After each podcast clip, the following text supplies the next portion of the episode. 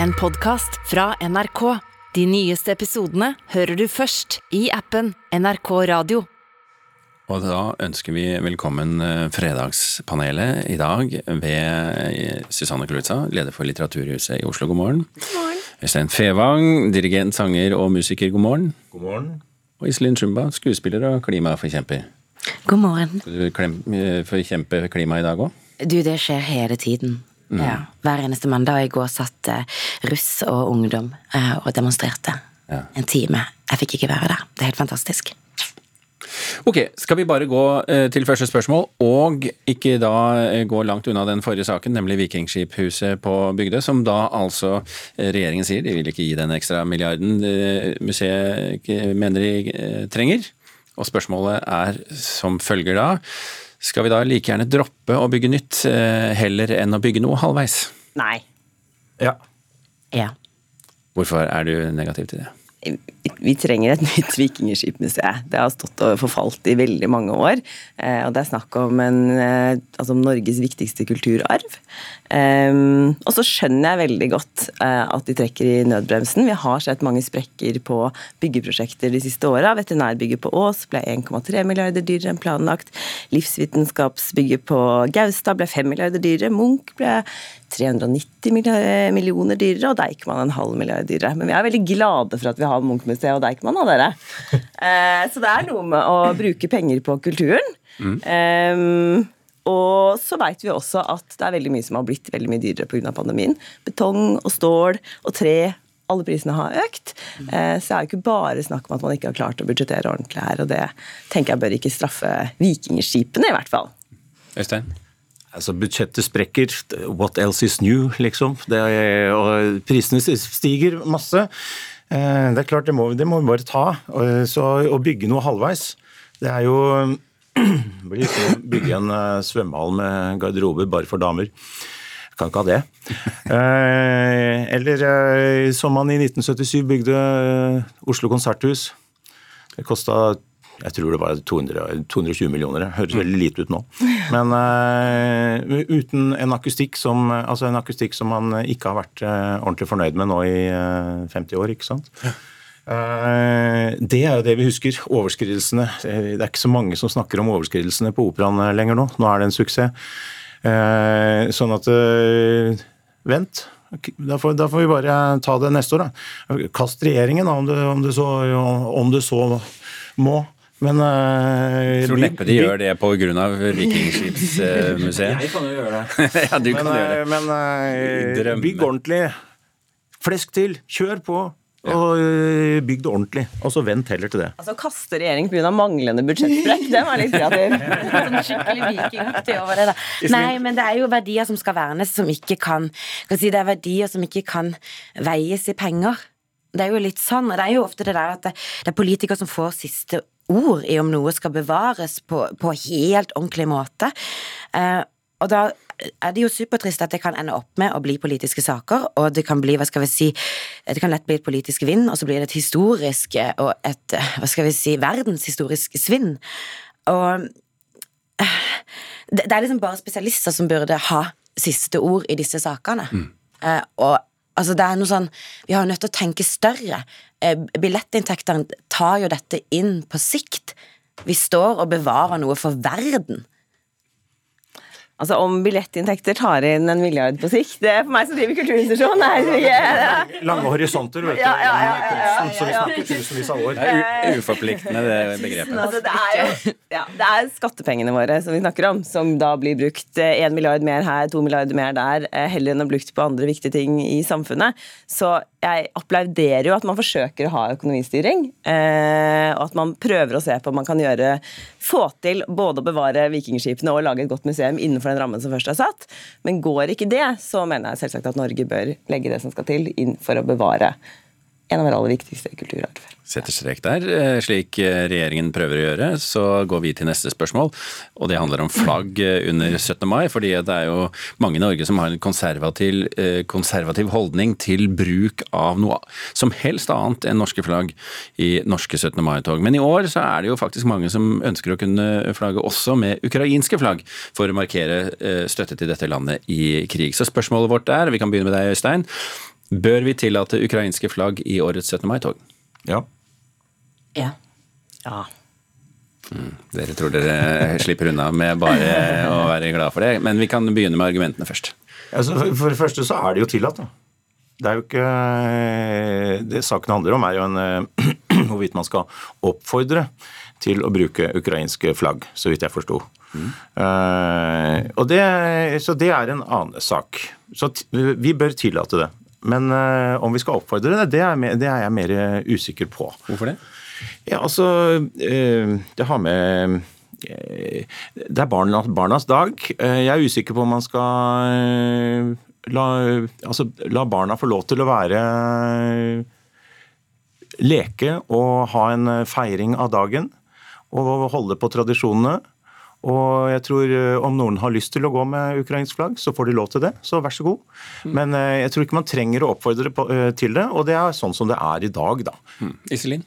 Eh, Ja, jeg tenker 17. mai er jo en dag hvor alle burde bære det flagget de ønsker å bære, men så fint. Nå er vi her på norsk jord og feirer de universelle verdiene vi har i grunnloven vår. Eh, Og jeg tenker, tror barn tar det ytterst alvorlig. Nå har de fleste barn et ukrainsk barn i klassen sin, og jeg tror vi også må Det er noe sånn ytterst spesielt med de barnetogene og hvordan vi feirer nasjonaldagen vår. Eh, I stort sett andre land så er det, det er militærparader. Og det at vi har barnetog altså Det er helt Jeg får frysning over hele kroppen. Det er så vakkert. Så, ja. Susanne? Vi har ytringsfrihet i Norge. Eh, selvsagt så får man lov til å gå med hvilke flagg man vil. Eh, å forby noe ville vært absurd og utenfor norsk lov, faktisk. Og så er det som jeg sier, spørsmålet om man skal oppfordre til å bruke noe andre, noe andre tog. Men jeg syns det blir en, da, en oppkonstruert debatt da, som man drar opp eh, en gang i året omtrent. Skal man, eh, skal man bruke andre flagg enn det norske i 17. mai-toget, så klarer man å piske opp en litt sånn falsk eh, diktonomi rundt det. Eh, det har alltid vært lov å ta med andre flagg. Det har aldri blitt noe problem. Men- De som har lyst til å gå med et annet eh, flagg, de gjør det. Og så Men, går hva, det fint. men hva hvis eh, folk begynner å flagge med syriske flagg, sørsudanske flagg, den islamske stat, fordi at det jo er lov? ja, men Da tar vi den debatten når det blir et problem, istedenfor å oppkonstruere problemer som ikke finnes. Det er jo en reell debatt, da. Ikke sant? Ja, Men hva syns du?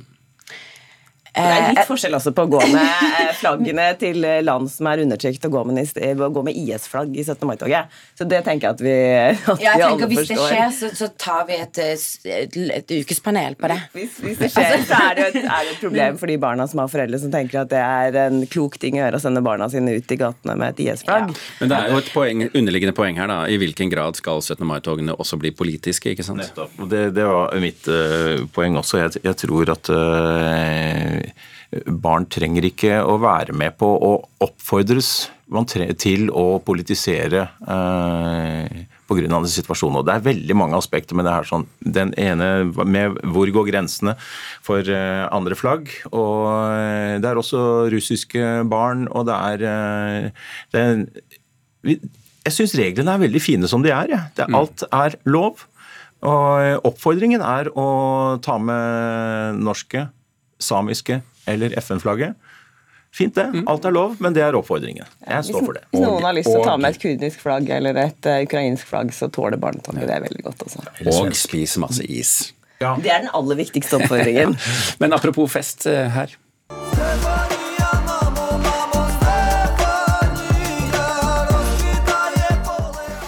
Dette er Ukrainas bidrag i årets Melodi Grand Prix, eh, men den pågående krigen i landet der eh, alle eh, massivt støtter Ukraina, så har jeg konstruert følgende spørsmål. Er det noen som helst grunn til å tro at det vi hørte her, ikke blir årets vinner? Nei. Nei. Eh, Da må jeg si ja. Ja, ok. Ja. Men det er Iselin som skal få lov til å argumentere først. Uh, ja, eh, jo, men absolutt. Jeg tenker at det er som en slags uh, altså, På en eller annen måte så blir det en selvfølgelighet. og Vi, vi, sant, det er jo det, nå sitter vi og diskuterer eh, barnetogene. Man putter jo inn eh, Alle steder hvor det er mulig, er jo blitt politiske nå. De har jo alltid vært det, men nå er det bare svart-hvitt, da. Eller gult og blått. Ja. Nei, altså jeg bryr meg overhodet ikke om Grand Prix. Jeg har ikke hørt årets uh, låter i det hele tatt. Nei, men du, Eh, får, mine- barna du skjønner bryr- mine bryr problemstillingen, at vi kanskje da heller eh, vi Så som hvis jeg kunne velge, siden Ja. jeg da ikke, sant, ikke har hørt alle bidragene og eh, har tunge meninger om de musikalske eh, innslagene og hvorvidt dette ville vært rettferdig eller ikke, jeg tenker, kan vi ikke bare la de vinne, da? Syns det har vært et fint signal å sende til Russland om at uh, også hele musikk-Europa støtter Ukraina. Men om det er rettferdig, uh, det er jo en annen sak. Om det er klokt, om de har lyst til å få en sympativind, kanskje har de det. Men eh, hvis jeg kunne stemt, så ville jeg stemt på det ukrainske bidraget, bare som et poeng i seg selv. Jeg tror jo at Ukraina kommer til å vinne. u uavhengig av den politiske situasjonen? Nei, da hadde jeg vært mindre, mindre sikker, selvfølgelig. Men de kunne ha vunnet da også. Det er, er en ganske catchy låt, og den har disse elementene. Både rapp og, og eh, etniske elementer, og eh, catchy refreng. Og han synger om mora si. Ja. Trolig. rolig. Det, ja, Men tro, jeg er glad vi hadde musikkfaglig ekspertise i studio. men, men, men jeg kan, du spurte jo om om det er noen som helst grunn til å tro at de ikke vinner. Det er én grunn, da. Det er jo at eh, Russland hacker eh, stemmegivningen. Ikke sant? Det får de ikke lov til. Nei, for, De får ikke lov, men eh, lov til å Russland hacke de, eh, regjeringen eller stortingsbygget eller eh, Nei, det er du invaderer Ukraina heller. Du har et poeng der. men, men kan jeg bare skyte inn? For jeg har gjort sånn Jeg er heller ikke så veldig sånn eh, Eurovision, da, men jeg gjorde litt sånn research, og det var veldig spennende, for det har vært kniving da mellom Russland og Ukraina i Eurovision helt fra Ukraina kom inn i 2003. Det var første gang de deltok. Og da andre år de deltok, så vant de liksom bare med sånn derre stor slam. Det er ei dame som heter Ruslana, med Wild Dance. Dances. Og hun liksom oppfordra til det å bare liksom Kom igjen, slipp oss løs, og på en måte krev vår plass. Ja. Men også så hadde du da de sniker inn liksom politikk, og i 2007 så var det sånn der, en sånn eh, sang som var en miks av russisk og tysk og engelsk og ukrainsk. Det var bare en sånn kjempemiks. Han hadde liksom som en diskokule og hadde pupper på seg. Veldig fengende greier. Men da var det, de vant ikke, da, men de klatra helt til topps. Og så hadde de et sånn språk som ikke fins, hvor de sa sånn derre eh, goodbye, som da kan tolkes som Russia goodbye. Og så har du da i 2016 Men så har du da Da har du eh, Jamala, som tilhører tartarene. Som er da en veldig undertrykt folkegruppe. Og da sang hun også om Hun sang om bestemora si, eh, som ble tvangsevakuert fra Krimhalvøya. Og, og, da, og da vant de igjen. Så på en måte dette er en sånn hva skal vi si, Den knivinga i Eurovision har pågått. Jeg føler, jeg føler meg helt blind som ikke har fått det med meg. Men nå Russland har ikke vært med mer enn et par ganger, vel. Men, øh, men Ukraina har jo vært med mange ganger. Ja, Sånn i finalen, mener du? Ja. Russland jo ikke, har jo ikke pleid å være med i uh, De blir jo utestengt. eh, De blir jo Nei, de blir, Det, er, eh, det, er, det er, tilhører sjeldenhetene. De var ikke, Ja. I gamle dager så var ikke Russland mer, vet du. Ja, Men de har vært med de siste årene. Ja, ja, Men, i 2000, i 2000, men i 2017, da det var, da det var eh, ja, konkurranse, så ble de utestengt. For de, da hadde den artisten eh, vært på turné på Krimhalvøya. Ja, men det er bare Altså, nå endelig kan vi snakke om hvor politisk. Nå sitter det akademikere med, med musikkteori rundt omkring som tenker hun der må vi få inn i studiet vårt, kom igjen, hold foredrag hos oss. Jeg er helt sikker. Iselin Shumba, takk for at du var med i Fredagspanelet. Susanne Kalitza og Øystein Fevang, takk alle sammen for at dere utgjorde dagens Fredagspanel. Du har hørt en podkast fra NRK. De nyeste episodene hører du først i appen NRK Radio.